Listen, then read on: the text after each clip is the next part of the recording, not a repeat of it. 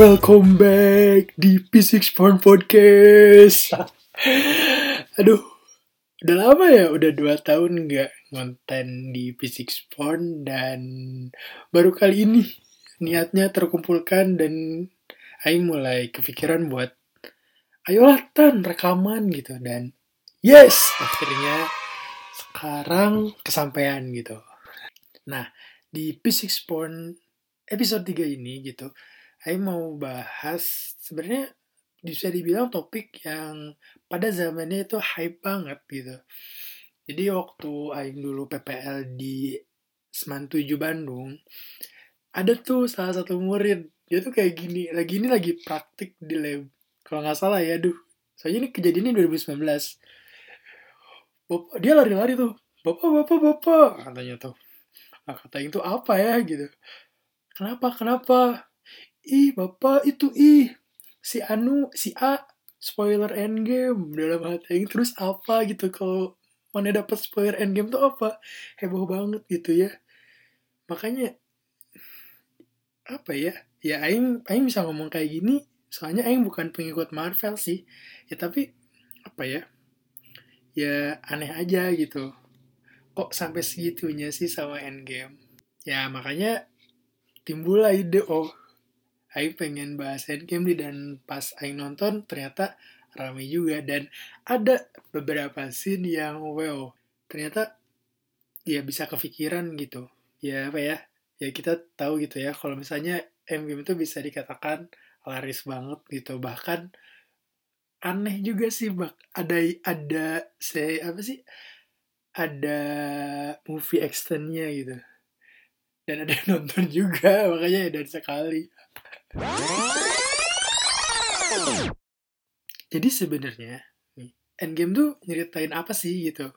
Ya pokoknya plot ceritanya tuh gini jadi tim Avengers tuh balik lagi nih ke masa lalu buat ngamanin buat akiknya si Thanos ceritanya kayak gitu. Jadi nah pengambilan itu tuh disebut dengan bahasanya time travel. Nah bahas time travel jadi sebelumnya itu ada ada film Terminator ya yang Ayu sampai apal gitu. Soalnya tiap Ayu nonton Trans TV pasti kebagiannya tuh Terminator. Gak tau kenapa.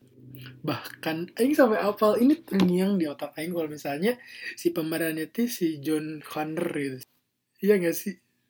Inget gak iya iya inget yang ceritanya tuh kayak si si John Connornya tuh lari gitu terus dikejar-kejar sama robot cewek aja itu horror banget. Padahal gebetin aja ya.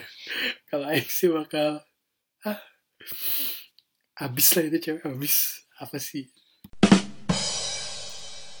Nah Avenger Terminator terus Doraemon juga ada unsur-unsur time travelnya kan. Kayak waktu si si Nobita sama Doraemon pakai apa ya yang masuk ke locker itu udah lama sih nggak nonton. Nah tapi ternyata nih ya ternyata konsep time travel yang dipakai di masing-masing film tuh beda Nah, di sini Aing mulai pakai ilmu fisika yang udah Aing pelajari 4 tahun gitu. Dan sekarang hampir nyaris punah. Hampir lupa soalnya udah ngajar ngajar daring tuh ah santuy banget makanya ah makanya Aing udah mulai ini di depan di samping Aing tuh buku fisika soalnya Aing ngerjain lagi soal-soal fisika karena hampir hilang gitu memori fisika di otak Aing tuh ya secara gitu ya ngajar daring tau lah ya Nah, balik lagi ke Endgame. Jadi, si tim Avengers tuh, tadi kan udah cerita sedikit. Jadi mereka tuh pengen ngalahin si Thanos yang udah matiin setengah penduduk bumi. Anjay nggak tuh? Cuman ada saran nih buat balik lagi ke masa lalu. Buat matiin si Thanos yang masih bayi gitu. Biar si Thanos ya mati gitu dan gak ngancurin penduduk bumi gitu. Persis banget kayak film Terminator yang ada yang ada tuh si robot cewek itu yang dia ngejar-ngejar dan dia mau ngebunuh dan ternyata si John Connor tuh udah dia dia dia bikin robot dan dia kirim ke masa lalu buat nyelamatin si John Connor dari si robot cewek itu. Siapa sih pemerannya? Pokoknya itu Aing ngefans banget ke pemeran si cowoknya itu. Soalnya actingnya keren-keren kayak gitu nah kalau dipikir-pikir uh, film Doraemon pun ya hampir nyaris kan kayak gitu. Jadi apa ya? Kalau di Doraemon si time travelnya tuh dia mempengaruhi masa depannya. Contohnya ini waktu sin si Nobita dia balik lagi ke masa lalu. Terus dia tuh kayak ngikutin babehnya gitu dan dia nyaris ngegagalin pernikahan babehnya sama sama nyokapnya gitu. Dan si Nobita hampir mati. Hampir hilang kan waktu itu ada sin-sin kayak si jadi samar-samar gitu si Nobitanya. Nah ternyata di antara di antara saran di Avengers itu dan film Terminator dan Doraemon nah itu tuh uh, disebut dengan teori grand atau konsep grandfather paradox dari David Deutsch Ya kalau misalnya gini, kalau kita balik ke masa lalu, terus kita ngebunuh kakek kita, grandpa kita, ya berarti kita gak bakal hidup. Soalnya ya, baby kita gak akan lahir gitu. Dan kita gak akan dibuat guys. Kayak gitu. Nah, tim Avengers nih, awalnya mikir kayak gitu. Jadi ini waktu di scene ketika si Scott dan si Clint uh, mikir kalau misalnya ya kita ngikutin aja film-film time travel yang apa sih yang menganut grandfather paradox gitu. Nah itu dibantah sama si Bruce dan dia nyatain kalau misalnya grandfather paradox itu nggak mungkin, weh. Jadi selama ini film-film yang udah ada itu nggak mungkin. Kenapa? Dan nggak nanti kita jelasin kenapanya dan si Bruce ini dia ngasih opsi kalau dia lebih baik pakai teori parallel universe. Oke, okay. gue aing bakal jelasin ini gue lagi. Sesuai banget ya. Apa sih parallel universe itu sehingga si Bruce bisa ngasih opsi itu. Jadi awalnya Tony Stark ragu gitu, lebih tepatnya nyerah sih waktu si si Captain America ngajak tuh ngajak balik lagi. Cuma ya jiwa superhero-nya itulah akhirnya Tony iseng bikin model time machine bareng si Jarvis. Di situ mereka brainstorming sama si Jarvis tuh. Anjir enak banget ya punya asisten kayak gitu. Nah, akhirnya eh ternyata bisa. Si Jarvis kayak tutut anjir pakai nilai izin. Apa ngomongnya? Izin. Gimana ya Eigen. Nah itu. Itu dah. Aing teh gak paham. Belum sesuai nah akhirnya si Stark um, pede nih terus ketemu lagi sama si Kapten Amerika gitu. Eh, buat ngelanjutin misi maling batu akik gitu. Dan nah akhirnya bikin deh gitu. Dan bisa tuh. Dasar emang otak-otaknya aja incer terus uh, nggak sih emang film aja gitu. Terus mulai ngumpulin lagi si Avengers buat balik ke zaman Thanos belum punya batu akik nah pada percobaan pertama nih mereka Bruce ngelakuin eksperimen tapi gagal. Si Scott yang jadi percobaan dia balik lagi jadi tua terus jadi bayi. Terus Scott lagi balik lagi. Nah, ini kayak mengandung unsur EPR paradox. Aing nggak bisa jelasin lebih sih kenapa EPR paradox itu gagal. Nah Tony kan datangnya telat nih terus Tony datang dan pada ngikutin deh ide si Tony itu. Tapi sebelum itu Aing mau jelasin dulu tentang dekoherensi kuantum. Jadi dalam meninjau sesuatu, kita dapat meninjau sesuatu itu secara kuantum dan klasik. Atau uh, secara mikroskopik atau makroskopik. Jadi kalau kita mengamati secara kuantum itu uh, masih dalam probabilitas atau kemungkinan-kemungkinan um, berbeda kayak fisika klasik plug gitu. Nah, ada sekat yang memisahin antara tinjauan fisika klasik sama fisika kuantum. Nah di proses riset Aing ngebikin draft ini gitu, uh, Aing nemuin kartun bagus tentang Ucing Schrodinger. Sebenarnya ini udah pernah dijelasin sih sama dosennya, tapi kayaknya Aing nggak inget. Tapi kartunnya bagus banget. Jadi di situ nyeritain kalau misalnya si Ucing Schrodinger ini ada kucing nih ya. Nah, kucing itu disimpan di dalam kotak. Lalu ditembak secara acak atau bisa dikatakan secara asal-asalan lah. Nah, pertanyaannya, kucing itu mati nggak sih? Ya, jawabannya kan iya, mati atau enggak gitu. Nah, kuantum itu meninjau probabilitas antara mati atau enggak gitu. Kita bisa ngasumsi nih kalau misalnya kucing itu hidup dan ngasumsiin juga kalau misalnya kucing itu mati. Nah, dekoherensi kuantum itu ketika kita membuka kotak itu dan ada satu sisi yang terlihat, misalnya hidup. Nah, ternyata kucing itu mati nggak sih? Di situ kan kucing hidup dan bisa aja kucing itu mati. Jadi di sini ada dua semesta yang terbagi. Ada semesta yang kucing hidup, ada semesta yang kucing mati. Semesta terbagi dua di situ.